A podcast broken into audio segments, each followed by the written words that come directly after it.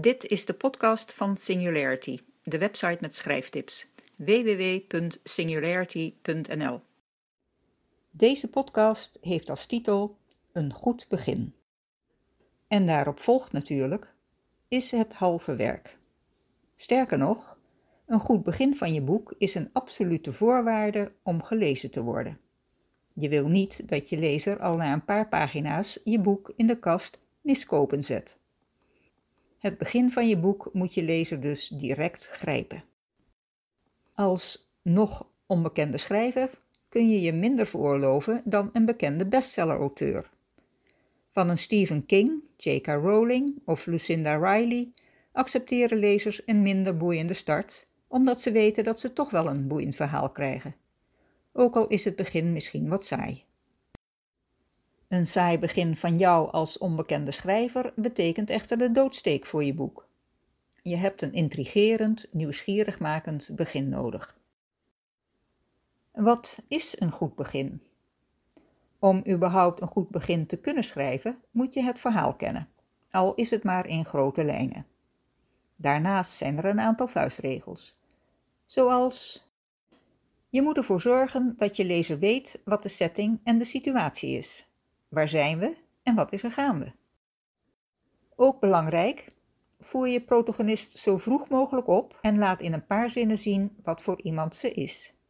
Geen uitgebreide karakteranalyse, dat kun je waar nodig verspreiden over het verhaal. Je protagonist moet ook ergens naar streven, iets wensen, ergens naar verlangen. Om Kurt Vonnegut te citeren, je personage moet meteen in het begin iets willen, al is het maar een glas water. Daarbij hoeft je protagonist niet per se likable te zijn, maar je lezer moet zich wel in haar kunnen inleven.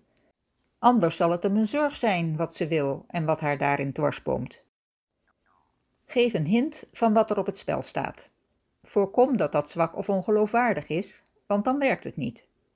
Maak het concreet. Een abstract doel boeit stukken minder. Vrede op aarde als doel is loffelijk, maar voor een boek? Nee, naar een gevaarlijke brandhaard afreizen om een geliefde te redden? Spannend.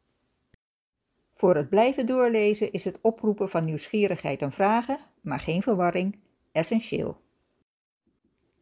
Het begin van het begin is de openingszin. Sorry voor dit flauwe rijmpje. Een bijzondere, opvallende openingszin kan heel veel doen. Een voorbeeld.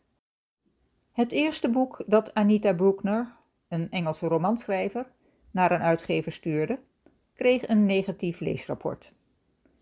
Maar toen las een redacteur haar openingszin en die luidde: Op haar veertigste wist Dr. Wise dat haar leven verruineerd was door de literatuur. Die beginzin was de opmaat tot haar schrijfcarrière, zodanig succesvol dat zelfs een matig manuscript op publicatie kon rekenen. Waarom is die openingszin zo goed? Omdat het je meteen reuze benieuwd maakt naar die Dr. Wise.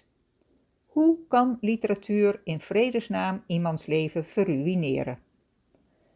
Die zin heeft dus een behoefte gecreëerd. De behoefte om te weten hoe dat kan. En daarvoor moet je doorlezen. Een tip. Literair agenten en uitgevers zijn dol op een cinematografische eerste zin. Wat is dat? De Italiaanse regisseur Michelangelo Antonioni zegt het zo: In iedere scène moet iets fout gaan. Laat je eerste zin dat dus aankondigen.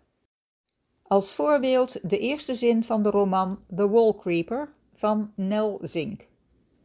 I was looking at the road map when Stephen swerved, hit the rock and occasioned the miscarriage. Nou, dat is nogal wat. En hiermee ben ik aan het einde gekomen van deze podcast. Ik wens je veel happy beginnings. Oh ja, vond je het leuk? Heb je er wat aan? Maak me dan blij door het te delen. Dankjewel.